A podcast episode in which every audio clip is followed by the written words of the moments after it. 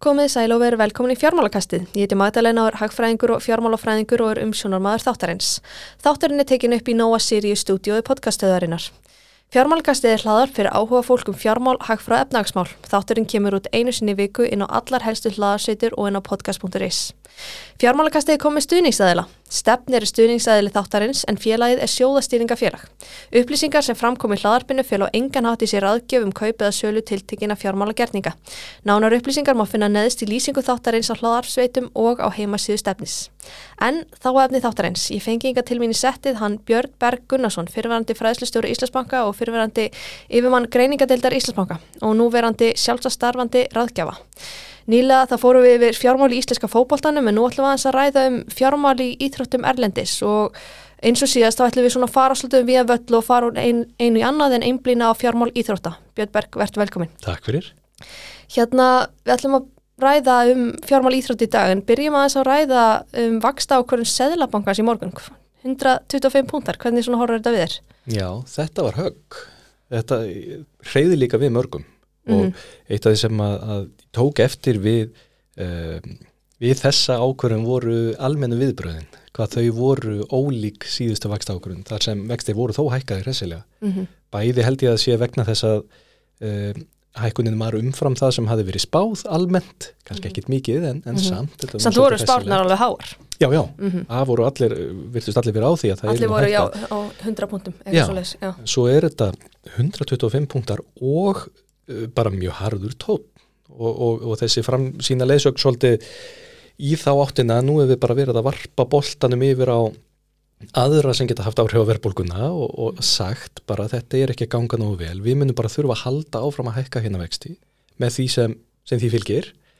Uh, svo lengi sem að það, það virðist ekki að býta á verðbólgunni og, og ég ma maður hefur svona orðið kannski pínu áhugjur að þetta sé að fara að, að nálgast einhver, einhver gildi þar sem að, að, að þetta gæti farið að býta með þessu öðrum hætti en selbankin kannski vill.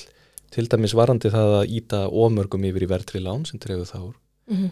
og meilina getur þessara peningastefnu og, og líka líka bara að fara að valda miklum vandraðum og óróa varandi kjara samningana fyrir að stýttist í, maður heyri það svona báðum áttum bæði frá samtökum aðlunulísins og, og verkefliðsreifinguna, fólk er ekki ekki mjög hrifið að því að sé farið mikið hærra en þetta En hvernig svona sérðu framaldið þróast? Ertu bjart sína við munum ná tökun og verðbólguna lókum? Ég, ég er, já, já, ég held alveg í, allar fórsendur hér eru til þess að þetta ætti ekki að þurfa að vera alveg vandamál til, til lengri tíma en ég farin að hafa svona verri tilfinningu fyrir þessu mm -hmm. en, en til dæmis bara fyrr á árinu. Mm -hmm. Þegar við til dæmis sáum að verðbólgutölu voru en þó til dæla háar en þetta var nú að stefna í rétta átt og íbúamarkaðinu var að, að kólnatalsverð. Mm -hmm þá að minnstakosti svona fannst manni við vera komin inn í eitthvað ferli að vakstæðikanum voru farnar að býta og í rauninni líka bara aðgerðir um, fjármálastöðuleika nefndar mm -hmm. uh, varandi íbúamarkaðin en núna er tilfinningin kannski aðeins unnur og ég held að það sé svolítið vegna þess að við fengum ekkert sérstaklega góð tíndi frá ríkinu um daginn mm -hmm. sem að ætlar bara ekkert að taka þátt í þessu erum ekki ætla að vera það er bara, bara öskrandi nýslufyllir í og, og, og útgjaldagleði hjá ríkinu uh, það heyrist ekki frá, frá vinnumarkanu neitt annað en að það eigi bara að sækja hverja krónu að verðbólgu í launahækunum sem að býr síðan mm. bara til nýja, uh, nýja verðbólgu og þannig að það, það í rauninni uh, það heyrist ekki það virðist ekki verið mikil samstað um það að vinna á þessu mm -hmm. með einhverju svona einhverju sátt og einhverju samvinnu og, og, mm. og ég er farin að hafa smá áhyggjur af því að, að við, eftir því sem að tími líður og við hækkum bara hækkum vexti og sama heyrist frá öllum þessum aðlum þá, þá mingar einhvern veginn trúmin á því að, að, að hérna fáum við einhverja fréttaljósmynda mm -hmm. að aðlum vinnumarka þeir eins að taka höndum saman og, og, og vinna saman að því að draga verðbólgu ég, mm -hmm. En þetta, um, þetta hefst á endanum, ég held að það sé bara að vera að taka miklu lengri tíma og verða sársökafyllir aðeins með vonu. Ég mitt lítur ekki vel út, kannski við höfum bara að fara að ræða eitthvað annað. já, eða ekki, eitthvað skemmtilegra. En jæna, já, þá að, já, málefni sem ég finnst mjög áhugavert, uh, íþróttir, hérna, fjármál í íþróttum og þá kannski fyrir að ræða það sem er efni þáttarins. Hérna, mér dætti ég svona að spyrja fyrst kannski, hérna, ef við horfum á svona stærstu íþróttafélögu heimi, til dæmis stórliðin í Evrópufóboltanum og amerísku íþróttaliðin hvort sem það er NFL sem er amerísku fókbólti, NBA sem er körubólti eða MLB sem er hafnabólti eru svona stóri klúpar almennt að sækja sínar tekjur og svipaðan hátt er til dæmis treyjusala eða miðasala völlin uh, svipa hlutfall að tekjum hjá liðum eða er það kannski bara mjög misjant eftir klúpum og íþrótt hvernig svona er þetta? Þetta er, þetta er nokkuð misjamt og uh, það er þannig að allir þessi tekjupóstar eru að vaksa hjá öllum stæstu liðunum munurinn á þessum stæstu og öllum hinnum, þar sem að megin þorri fólks til dæmis sem starfar í Íþróttum er að starfa og, en, en uh, stórulegin að þau hafa verið að um, auka tekið sínar og öllu þessu sem þú nefna, það, það er kannski einna helst sjónvarpið mm -hmm. og þar hefur Európa verið að elda bandarækin mm -hmm. segja í, í bandarækinu er svolítið sérstu hvað það var að um, þessi hefðbundni áhuga maður um, um íþróttunar, sérstaklega reyndar í ruðningi, bandarækinu mm -hmm. fókbalta eigðir miklu herri fjárhæðum hverju ári mm. í þessa íþrótt, til dæmis íþrótt heldur en Evrópabúar uh, og það er með öllum mögulegum leiðum, einmitt, það er mjög dýrt á völlin og völlin eru mjög stórir þannig að þeir taka mjög mikið inn þar.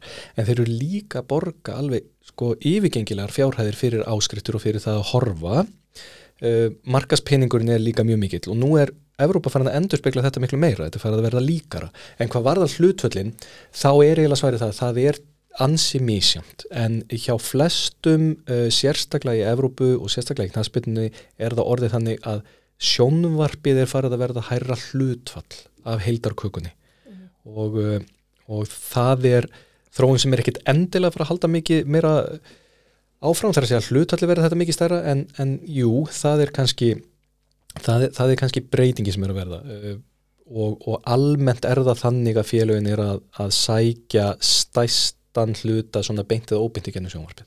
Mm -hmm. Hvar svona liggja hérna stæstu, já þannig það er hérna sjónvarsamninga sem gefa mest? Já, þeir, já. þeir, þeir gefa almennt mest og, og svona það sem tengist þeim vegna þess að, að sko það sem er að gerast um, og er að hafa þessi miklu áhrif sérstaklega til þess að varandi knastbytuna og, og líka varandi mm -hmm. krikket og aðra íþróttir er það að það er að vera til svo stór millistjætt mm -hmm. í, í heiminu sem var ekki til áður mhm. byrjaði fyrir 20 árum að verða til í Austur-Európu, núna erum við að sjá óbúslega fjölmið löndi eins og bara Indonési og Vietnam og Thailand og, mm -hmm. og, og, og auðvitað Kína og fleiri þar sem að fólk er farið að hafa smá milli handan til að eigða í áhugamálinn sín sem mm -hmm. er meðlannans fókbalti og meðlannans íþróttir. Og þetta gera það ekki bara að verkum að sjónvarpsamninganir verði stærri, þetta er ekki bara það að fólk sé að kaupa áskrift, heldur þessir markaðir að opnast vegna þess að þau eru að horfa sjónvarpið. Mm -hmm. og þá verður það þannig að auglýsingasamningarnir sem gerðir eru, þeir þennjast út en það er mm -hmm. út af sjónvarpinu. Skilur við þannig að, þannig að sjónvarpið er að skila hærri tekjum en bara beinum áskriftatekjum Einmitt. En hvað svona íþróttir eru að gefa mest? Í hvað er íþrótt er svona best að vera nokkuð góður í fjárhagslega séð? Uh, sko, er, stundum er, er talað um einmitt ruðningin en mm. það mhm. sem að skekki svolítið þá myndir að ferillin er svo skammur já, já, og, og uh, allt og allt og hátt hlut all leikmanna sem að, eiga þar jætvel bara glimrandi fínan feril verður gældþróta. Það er vegna þess að þeir, mm. þeir fara algjörlega fram úr sér og spila kannski bara þrjú-fjör ár. Mm -hmm. Það er ofsalega gott fjárhagslega að skara fram úr íþróttum eins og tennis og golfi og svona þessum einstaklingsýþróttum en þar er líka ekkert öryggisnett, þar ertu ekki partur á liði, þar ertu ekki, ekki með laun kannski óháð árangri, mm -hmm. þú verður að skila þínum eigin tekjum sjálf og, og, og eh, en svo í, í íþróttum eins og í, í fókbólta þar er ferillin til dælu langur. Mm -hmm. Þannig að köruboltin er með merkilega stuttanferil að meðaltali þar að segja að menn er á hæsta leveli til tölulega stutt að meðaltali, það er bara þeir bestu sem ná mjög lang, langum ferli þannig að tekinu eru mjög mísjarnar þar en í fókboltinum að þá er, er þá eru við kannski að tala um svona 10-12 ára feril það sem að, að, að leikmið geta verið bæði sko kalla og hvernig megin núna geta verið að þjána þokkalega mm -hmm. þannig að þegar þú segir sko hvað er best að vera þá, þá náttúrulega viltu vera þar sem að kannski samkeppnin nokkuð minni en tekjuna mjög góðar mm -hmm. og, og það er eiginlega engin ekkert svona Goldilocks zone í því sko það, það, þetta, það er í rauninni ákveði svona jætnvega milli, nú er til dæmis íþróttakarinn sem er að vaksa mjög ört er, er hérna töluleikaspilun, bara keppnir í töluleikum mm -hmm. og tekjur þeirra bestu þar eru bara farnar að jafnast á við bestu tennisleikar í heimi og þá sem eru að keppa í Formúlu 1 það eru ótrúlegar fjárhæðir en það er ekki margir. Nei, nei, einmitt, einmitt. Þannig að þegar maður googlar svona verðmyndustu íþrótafélögu heimi þá er svona ansið mikið af svona amerískum félögum listanum, bæði úr ameríska fótboltanum og einni NBA-lið og eru svona þó nokkur verðmættari en þessi stóru fótboltaklúpar eins og Real Madrid, Barcelona og Manchester, eh, Manchester United en hérna nú er samt knattspyrna vinsalast íþrótti heimi, eða það ekki? Þannig Jú. maður spyr sér svona, hvað veldur þessu? Er hans bara svona vinsæll í bandaríkjónum eða? Já, bæði það jú, Svona íþróttir, NBA og Já, já. hérna NFL Já, nefnilega um, kannski, kannski þrýþætt svar en stutt, stutt hvert. Mm, fyrsta er um, að já uh, hún segir mm um, þetta er mjög vinsælt í bandaríkjunum þannig að bandaríkja markaðurinn er nóg -hmm. fyrir, fyrir þessa greinar. Annað er það að þarna er miklu lengri og betri reynslu og miklu þróaðir í starfsemi á íþróttaliðum. Mhm.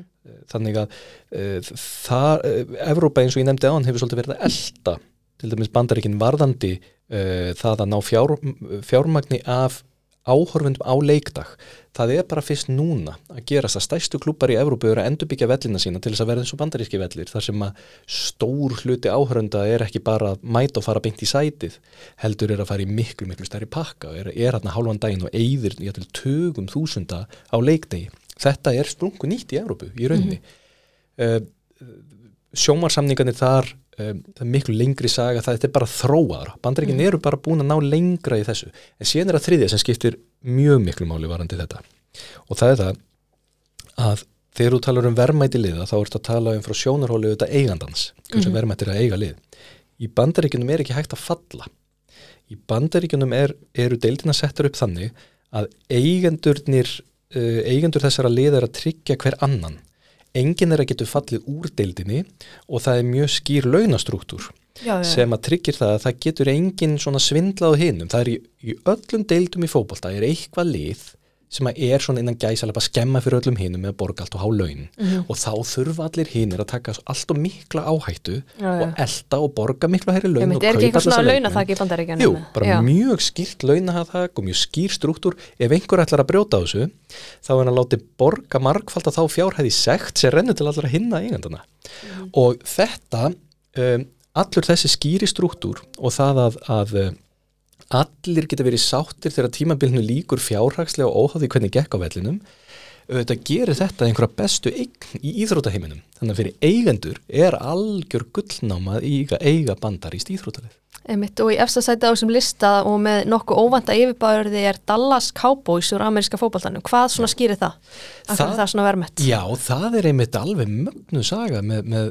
með Dallas Cowboys um, þetta, er ekkert, þetta er ekki besta lið og hefur ekki verið lengi en uh, Dallas Cowboys hefur markasett sig sem lið allra. Sko fyrir utan, Dallas er mjög sterkur heimamarkaður, það er tiltölulega rík og stór og mikil borg og góð markaður. Þeir eru með mögulega flottasta völlin í bandaríkjunum sem að skila gríðarlega miklu leikdegi. En aðalatrið er þetta, þeir eru með mjög stort svæði, þar að segja þeir eru með um, áhangendur út um öll bandaríkin Mhm. og hafa markasett sér mjög vel þannig, mjög, mjög skynsanlega gert sem þýðir að það vilja allir sína leikina þeirra. Já, þannig að hvort sem þú býrði í Portland í, í, í hérna, Maine eða Portland í Oregon þá horfir á leikði í Dallas Cowboys. Og Já, það sker sér svolítið úr hvað það var. Það eru svolítið Já. öðruvísi og ólíkt Veistu hvað skýrir þennan áhuga? Nei, en þetta var þetta, þetta var uh, stefna hjá félaginu að, að, að fara að reyna að vera svona lið sem segir það megi allir halda með okkur og, og reyna að vera svona lið allra. Þetta er mjög vinsæll klubur, þetta er sennilega vinsælasta íþróttalið í bandaríkjunum. Já, ok. Áhugavert, en jæna, í hvaða íþróttum eru svona koma svona stærstu leikdagstekinar? Svona miðasala, salamat og bjórsala og slíkt. Það er í bandarískum fótbolta, Mm að öllu líkindum. Uh, Þar eru bæði stærri leikvangar að Mhm. meðaltalinn í nokkur annar íþrótt. Það er kannski líka misjant þetta íþróttaliðum eða? Já, en, en uh, samt eiginlega ekki í, í NFL. Hún er nú ekki það stór, þetta eru 30 eitthvað lið og, og það eru öll, þau eru öll að spila á stórum öllum. Uh, svo eru náttúrulega einhver svona jæðarsport eins og sem eru kannski svolítið sérstök áhorvarðar eins og eins og með formúlan þar sem þú getur fengið en þú spilar sjálfnar en með, með gríðalegum fjölda. Uh, svo er það að verða þannig að það eru þessi stóru evrósku knastmyndulið sem hafa verið að endurbyggja vellina sína. Til dæmis eins og Tottenham í London og núna er Real Madrid í Madrid að endurbyggja sinnvöll og þar verða tekjunar alveg stjartfræðilegar þegar sá völlur er tilbúin en það er út af þessu sem ég nefndi að það er, það er önnur nálgun. Uh, ég til dæmis fór á, á leik núna í janúar hjá Wiggan uh, Mhm. sem er svona, kannski ekki beint í alfara leið, ekki skemmtilegsta bæri sem ég farið í en, en skemmtilegu leikongur og ég hefði getað borgað kannski 3000 og eitthvað kall fyrir miðan, ég borgaði 8000 og eitthvað fyrir það að fá mat og dagskrá og hitta fyrirliðaliðsins eftir leik og svona smá pakka. Miklu miklu skemmtilegra fyrir mig miklu meiri tekið fyrir klúbin Mhm. og þetta eru meiri sér litlu klúbanir að gera þarna en, en, en það sem ég er að nefna er að þessi stóru klúbar sem er að fá svona mikið á leikdag eru að gera þetta alveg svakalega og allt öðrum skala, þar kemstu ekki upp með að borga 8.000 kall, Nei, er þetta að fara að borga 8-10.000 kall fyrir sv- svipaðu upplifin, það eru peningar. Það er peningar, en játna, ég, þú hefur farið á ýmsa íþróttaleiki og viðburur reiknaði með. Já. Hvað er svona stærsta leikdags upplifun eða game day experience sem hefur staðið upp úr hjá þér? Sko ég fór, ég hef farið á Ibrox sem er heima við Glasgow Rangers í Skotlandi og, og það er algjörlega magnað að vera á þeim velli. Uh, en ég held að ég, ég, er, er mjög gaman að fótbolta en, en uh, ég leita svolítið að leikjum þar sem að eitthvað er undir og Mm þeir eru bara aðeins öðruvísi. Ég, ég mandi leik, hvort það var 2015 uh, úslita leikur KF og gróttu í, í annari deildinni hérna heima, þúsund manns mættir og pínulíti gerðugrasvöll í Vesturbænum uh, þetta snýst ekki um hversu margir eru, þetta snýst um sko bara náladóðan sem allir finna fyrir og gæsahúðina og rammagnaða andrúslofti sem er. Og það getur orðið til á öllum mögulegum völlum.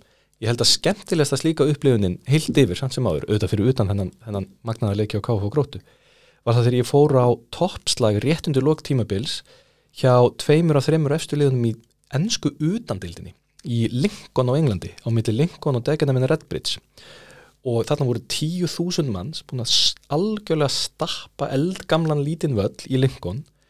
Og það var bara eins og ég segi að, að, að þó þessi svona eh, klísja sem maður á helst að, forðast, þá var bara andrúnslótti rafmagnað allan tíman maður fann bara einhverja tilfinningu sitjandi þarna að allir 10.000 áhörnir voru stressaðir. Mhm. og þ- ég var örgulega eini útlendingur og það, þetta skiptir svo miklu máli. Þetta finnst mér vera miklu meiri leikdags upplifun en, en á ég hef farið á leik hjá, hjá Liverpool sem skipti í lengur máli og það er bara allt annað. Þetta Já, er ekki ég leita frekar af því að Það sem er eitthvað undir. já, þú bara finnur stressið í fólkinu við hliðina á þér og það er skemmtilegt Mhm. En svona í íþróttum almennt, borga sig að hafa svona, innan gæsalappa svona súpustjörnur innan sigarnara eins og Messi, Ronaldo, Lebron James, svona þrátt fyrir að sé til til að háur laun, hár launakostnaður, fáðu hérna kostnað tilbaka í tekjum og slíkt. Já, þetta er, er nokkuð sem er mikið rætt um og mikið skoðað vegna þess að þetta er, það, það liggur ekki alveg ljóst fyrir. Ég held að það er eftir svolítið að komast reynsla á þetta. Ég held hins vegar að það sé algjört líkilatrið að við metum sko, eða við, við skilgreinum hvernig við metum verðmæti. Mm Vegna þess að um, hvers vegna eru eigendur þessara lið og við þurfum alltaf að hugsa frá þeirra sjónaróðni. Hvers vegna eru þeir að eiga liðin? -hmm. og í sumum tilvíkum er það vegna þess að þeim þykir vænt um félagið eða þetta er út, og í öðrum tilvíkum er þetta business en svo í stu, stundum er þetta til þess að koma sér á framfæri eða vinna einn pólitísk stig.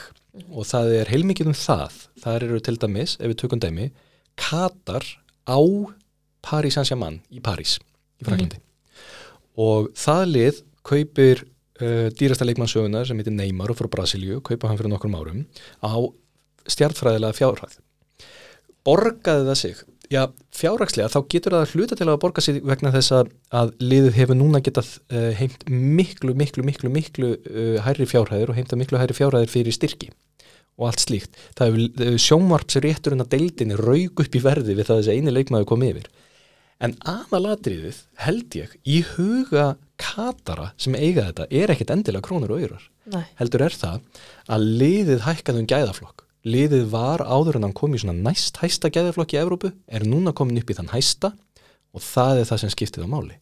Þannig að, að þetta fer eftir í hvernig það tali en heilt yfir hefur reynslan verið svo vegna þess hvað uh, íþrótnar orðnar alþjóðlegar hvað vel er hægt að selja af íþróttum og hversu takmörkuð auðlind sjúperstjarnan er að, jú það er gríðalegu munur á þeim tekjum sem þú getur fengið frá Lebron James eða þeim fymta besta í körubólta, skilju hvað ég minna Mm -hmm. þannig að það er eðlilegt að þeir sem eru bestir eða næst bestir eða þriðu bestir fái miklu, miklu, miklu meiri tekjur vegna þess að þeir þjena miklu, miklu meira fyrir klúbana sína Einmitt. En ef við horfum svona til ríkra íþróttamanna almennt, svona þá ríkust í heimi, eru þetta einstaklingar sem eru svona þjena meira á auglýsingatekjum heldur en þeir sem þjena beint frá íþróttinni, þá kannski laun og eða vinningsupphæðir? þetta er, ef við ætlum að fara bara í einfaldasvarið, þá er ekkert óvarlegt á að þetta sé cirka 50-50 hjá þeim bestu. Mm -hmm. þeir bestu eru yfirleitt á mjög háumlaunum svo, svo þurfum við samt að leiðir þetta fyrir því að það er ekki óalgengt að klubburinn sé að kaupa ímyndarétt viðkomandi allavega einhverju leiti í leiðinni. Þannig að hann er að fá mjög hálaun inni í því er það að félagið færa að nota hann í auðlýsingum Mm -hmm. ég meina, þannig að það er allir gangu hvernig það er, en já, þumputareglan svona almennt er að þetta sé kannski 50-50 hjá flestum, Mhm. flestum þessara bestu En hérna, ef maður horfir á listi yfir ríkasta íþróttalfólki, þá sér maður ekki bara einstaklingu liðsýþróttum, heldur einnig úr einstaklingsýþróttum líkt og golf og nefalegum. Myndur þú segja að sé erfiðara fyrir einstaklinga í einstaklingsýþróttum að þjána meira? Já, ég myndi halda það. Eh, Þeir, eins og ég nefndi, þeir, þeir eru búa við allt annað atvinnuröki. Þeir eru kannski frekar eins og verktakarni lögþegar. Mhm. Þannig að það er undir þeim komið að búa til sínar tekjur með því að ná afburða árangri. Eh, Þú getur alveg lifað á því, þú getur lifað á því að, að, að lenda alltaf í tíundasæti, svo sannarlega, í þessum íþróttum. Þú verður ekki súperstjarna og færð ekki þau laun. Þú getur hins vegar alveg verið á súperstjörnu launum í liðsýþrótt án þess að vinna Mm og getur verið í tíundasæti og samt fekk í súperstjörnu laun. -hmm. Þannig að það er, já, það er sennilega erfiðara fyrir einstaklingana. Einmitt. Eh, Nú hefur það týðkast eins og við rættum á þann að ríkir einstaklingar kaupi til dæmis fótboltarklúba og hrúi pening í klúbin. Nýjasta dæmi er Newcastle úr ennsku úrvalstildinni. Uh, í amerískum íþróttum er hins vegar launathakka eins og við rættum á þann. Já. Þá spyr maður svona skiptir máli í amerískum íþróttum hversu ríkur eigandin er? Það skiptir máli ef hann ætlar að uh, bætast í hópin, já, Mhm. en uh, eins og ég sagði þá er þetta lokaðar deildir, þannig að það skiptir ekki máli varandi þá sem eru þegar eigendur liðana.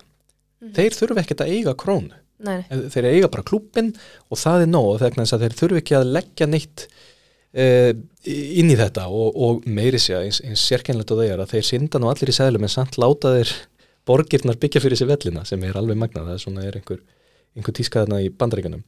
En ef þú ætlar að bætast inn í hópin og ætlar að til dæmis fjölga liðu, nú er verið að tala um það í, í bandaríkanum að, að fjölga í körubóltanum um jætvel tvö lið og það er talað um að, að Seattle og Las Vegas fái lið í körubólta. Ef það er að fara að gerast þá er það auðvitað að finna út fjárhæðinar sem allir hinnir fá vegna þess að allir fá jafn til dæmis að sjónvarsréttinum. Þess vegna þyrti nýr eigandi að borga hinnum eigandunum miljardar bandaríkjadólara Mm og það er þá nóg til þess að þeir segi já, ok, þú mátt bætast í, í, í hópin auðvitað stækkar að markaðin og býr til ennþá fleiri tekju fyrir, meiri tekju fyrir alla en það þýðir að þú getur ekki búið til nýtt lið eða bæst við inn í þessar íþróttir nema að vera.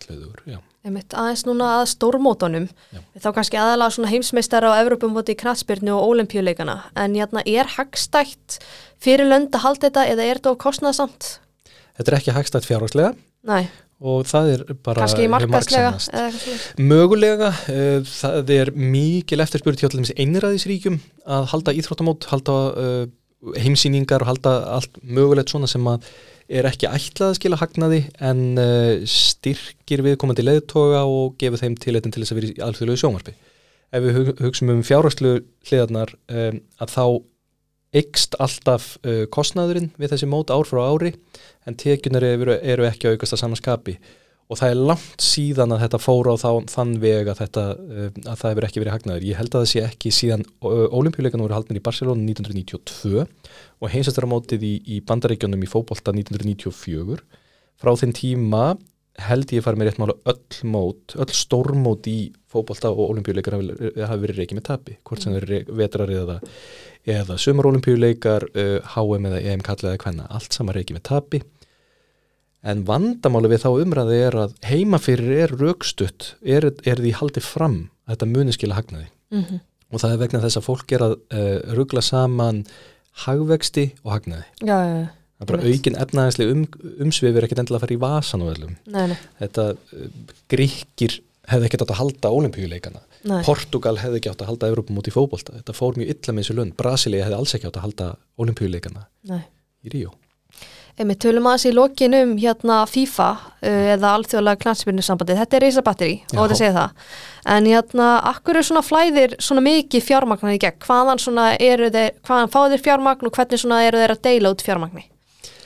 Fjármagnið í stuttumáli kemur bara frá heimsumstur móti Karla og fjóra ára fresti. Það er uh, svona milli 80-90% teknana sem koma þaðan. Uh, þar á milli að þá eru þetta auðlýsingasamningar sem eru að, að, að skila sér inn þar sé að það er að má nota FIFA-nafni, það er verið að tengjast FIFA uh, en þetta er, er það eina sem skilar hagnað í, í starfsemi þeirra. Uh, Peningarnir fara í það að sapna sjóðum einhver hlutu vegna í að borga lögfræðikostnað vegna alveg gríðalega málaferðla út af hræðilegu málum sem að hafa gengið á þarna í ára raðir í að reka sapn sem er dýrara í rekstri en þjóðminnisapn Íslands á hverju ári og í það að reka og borga fyrir öll önnur mót sem haldin eru vegna svo öll mót sem FIFA heldur reki með tapi fyrir utan hins að þeirra mót Karla uh, og uh, þetta þrátt fyrir þe- þetta skrítna rekstramódel að þá hefur, hefur þetta samband náða að halda mjög miklum rekstra afgangi eftir flest mót uh, sennilega kannski fráurteki uh, háum í Katar eða svona mögulega vegna þess að að þe- þeir hérna eins og Euróska knastbundsambandi hlupir svolítið undir bakka með knastbundisambandum út á COVID en, en uh, nei, það er bara syndi fólk í peningum og þar hefur til dæmis peningum verið eitt í það að búa til Hollywood bíómynd uh, til þess að, að sína forsvarsmenn FIFA í einhverju ljósi sem, að, sem á ekki verið öröka stiðjast Mm, skili. Hérna en á venju, þá endur við þáttinn á persónulegri nótunum. Hérna, þú hættir sem nýla sem fræðslustjóri Íslandsbanka eftir mörg ári starfi og byrjar að starfa sem sjálfstöður ráðgjafi. Var, var þetta erfið ákvörðin? Já, var, það, það var erfið ákvörun að yfirgefa vinnustæðin Já. það var kannski fyrst og fremst það. Það var ekkit, það var ekkit erfið ákvörun að að fara sóló í, í ráðgjöf og, og námskeiðahald. En það var erfitt að það er erfitt að yfirgefa sko þetta er ekki bara góði vinnufélagar, bara góði vinir sem ég á þarna. Og eitt af því sem ég eftir að sakna hvað mest er að sitja dagstælega og vinna með fólki sem er bara að, afbröða greint og vel gefið og fært í vinnunni sinni og Mhm. ég hef lært svo mikið að ég sitja hjá fólki eins og, eins og til dæmis í, í, í greiningunni að sitja hjá Jóni Bjarka og Bergþóru mm. -hmm. alveg ótrúlegu skóli Já, ótrúlega flott fólk. ótrúlega flott fólk og ofsalega gefandi að vinna með svoleiðis fólki en, en, en uh, síðan þegar ég tók þá ákvörðun þá var það auðvelda því ég er, er mjög spenntur fyrir því að, að, að vinna sjálfur og, og stýra mínum tíma sjálfur Og hefur, hefur fengið góð viðbröð og góða viðtökur? Já, bara alveg ótrúlega Já, bara, bara mjög góð viðbröð og uh, bara spenntur fyrir því hvernig, hvernig það verður, nú erum við bara að prófa að standa á eigin fótum í fyrsta skipti langan tíma og það er ákveðin skóli líka. Hvað er svona framöndan hjá þér? Framundan hjá mér er nú bara að reyna að byggja upp þessa starfsemi mína. Ég, ég er auðvitað að byrja hana í mitt sumar, þá lítur nú ekkert út fyrir það úti.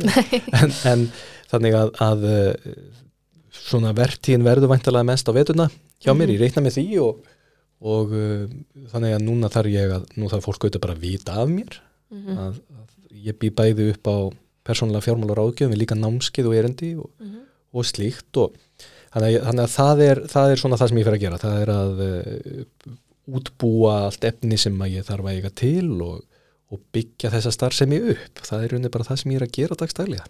Einmitt. Hvað er hérna að læra í skóla og akkur var svo fræðikræn fyrir valinu?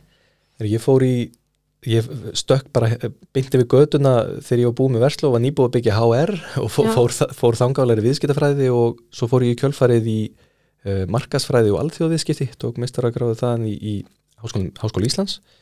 Og það var nú fyrir valinu vegna þess að, að ég var alveg samfærður um að ég ætlaði að fara að vinna í sjáurútvi Ok. og, uh, og var einmitt að gera það þegar ég fór í það nám og þá hentaði mitt markasfræðin og alþjóðviðskipti mjög vel. Mm uh, en ég sé alls ekkit eftir að hafa, að farið í það. Að Hvernig ekslaðist það og þú fórst ekki sjávarútvegin? um, já, ég, ég bara, ég var þar hjá fiskmiðlun og, og, og var eitt sumar í bandarækjunum meiri en, en svo fekk ég bara tækifæri til þess að fara að vinna í verbreyfarákjöf ég, ég hef verið að fjárfesta á hlutabreyfamarkaði sín ég var strákur og hef, hef alltaf haft mikinn áhuga á fjárfestingum Mhm. og ég stökk á það þegar ég fekk tækifæri til þess að, til að fara þangað inn og ég svo sem sé ekkert eftir ef ég hefði verið að velja núna þá er ekkert ólíklegt að ég hef kannski freka valið hagfræðina heldur en, heldur en Mhm. markaðsfræði og alþjóðviskiti en, en ég læriði, ég er svona ég er sófahagfræðingur sko, svona heimilis og sófahagfræðingur svona áhuga, áhuga hagfræðingur eftir að hafa unnið svona lengi í þeim málum en, en, en þetta gefur líka bara ákveðna breytt Hvað finnst þið svona skemmtilegast að gera utan vinnu? hljóma kannski ekki ólega skemmtilegt en, en mér finnst bara skemmtilegast alltaf og, og best að vera bara í róliheitum og, og, og að lesa eitthvað skemmtilegt elda mat Mhm. vera bara svona að dunda mér ég held að það sé nú það sem að mér finnst finnst svona að vera best sko. og, en var þetta skemmtun fara á völlin, Já, fara til útlanda á, á fótboltaleiki ferðast með fjölskyldinni það sé nú bara Skaman að ferðast, úr. hvað er svona Já. skemmtilegasta borg sem þú komið til? sko, ég, ég held að ég þurfa að segja Chicago. Ok, akkur mér finnst hún bara svo mögnuð. Mm hún er svo, það er svo margt um að, mikið um að vera þarna, hún er rosa falleg og skemmtileg og áhugaverð og mikil saga og ég ferðast mikið um bandaríkin og, og uh, hún uh, svona stendur upp úr og síðan bara beint í söður í New Orleans var, var alveg briljant í Evrópu, það var kannski svona svolítið klísukent, já fyrir utan hann alltaf Dublin finnst mér alveg, alveg ótrúlega skemmtileg að þá er eiginlega alveg makalust hvað er alltaf gaman að koma til Kaupanafnar -hmm. þú veist, ég veit að það er ekkert frumleitt að segja það en Kaupmannahöfn er bara svo skemmtileg. Já, mjög og næs. ég ferði þangað mjög oft og, og það er alltaf eitthvað þannig að maður leiðist ekkert í Kaupmannahöfn. Nei, einmitt. Hvað er besta fjármálamyndið að þættir alltaf tíma þínum mati? uh, sko, mynd sem mynd sem saminar umræðefni uh, umræði efnin okkar núna í dag svolítið skemmtileg, þetta er Moneyball. Já, með Brad Pitt. einmitt. Mér fannst hún, ég horfði á hana ég fór hana í bíó í glampandi sól í Karabíska hafinu í, í hérna Key West. En já, hún var rosalega áhugaverð fannst mér, samin þetta svolítið vel. Var þetta þætti? Og það fyrir nokkrum árum gerði BBC heimildatháttaröð um uh, breska austur-Indiafélagið. Já, Mér fannst ok. mjög skemmtileg. Saga Hefur farið fram hjá mér. Já, það var mjög að skemmtilegt. það. Veistu hvað hann heitir? Uh, Ég skal bara, ég, ég, get, ég held ég sem með þetta í símanum, ég get sínt þér á eftir Hva, Já. hva, Hvað hérna hún heitir, ég man ekki alveg Hann sætti fólk að geta bara googlað það og fundið það Já, já, já, já, þetta er ekkert svo, þetta er kannski ekkert meir en tíu ára gamalt. Þetta er mjög skemmtileg þáttaröð, af því að saga breska, þetta, þetta er bæði svona kolónial saga, en þetta er líka viðskipta saga og fjármála saga vegna þess að þetta byggist auðvitað upp, þetta er svo mikil fjarlægð að það þarf að treysta þarna fólki fyrir að byggja upp einhver viðskiptið og kannski ekkert allt, allt gert mjög smeklega. Það var mjög skemmtileg viðskiptasaga. Eða þú ættir að mæla með einni bók fyrir hlustundu fjármálakassins Hvaða bók væri það? Þetta er bók sem heitir Peningar sem að koma út Já, fyrir... við fórum nú vel yfir hana síðast þegar þú varst þeirra Já, já, ég, ég hérna... En jú, hún er mjög skemmtileg og það er líka íþróttafjármáleikur þar ef fólk hefur áhuga að fræðast meira. er kapli um það. En svona fyrir utan það þá held ég mikið upp á uh, The Ascent of Money eftir Niall Ferguson. Já, hún er frábær, hún- er líka til í íslenski þýðingu. Já, var það ekki Peningarnir sigra heiminn, Já, held ég. já, ofsalega góð. Virkilega góð. En jæna, er eitthvað að að koma framfæri? Já, ég bara þakka kjærlega fyrir mig. Ef, ef, ef fólk vil uh, ná sambandi við mig þá er uh, einfaldast að gera það í gennum björnberg.is sem er vefsíða mín. Uh, það er mikil, eitt af því sem er er svolítið áhugavert núna við að vera hefja þessa vegferð á þessum tíma er að það er mjög mikil þörf fyrir persónulega fjármálaráðgjöf og, og líka bara fyrir fólk til þess að ná utan um svona flókinatri eins og eftirlunamál, mm Mhm. lífyrismál það er nú það sem ég hef helst sérhæft mig í Mhm. sem eru, eru starfslokamál lífyrismál uh, og, og uh, ég er alltaf búin og búin að mæta til, til á vinnustaði, félagsamtök eða hópa og, og, og halda námskeið og fyrirlestra um fjármál og, og líka fólk getur heyrt í mér eða vil persónulega rákjöf. Glæsilegt, Björnberg, þakka að kæla fyrir komuna Sumleis, takk. Fjármálkastið verður ekki lengri í dag en ég vil þakka ykkur kærlega fyrir hlustunina og minna á að nýr þáttur er væntalur næstu viku. Þanga til, verið sæl.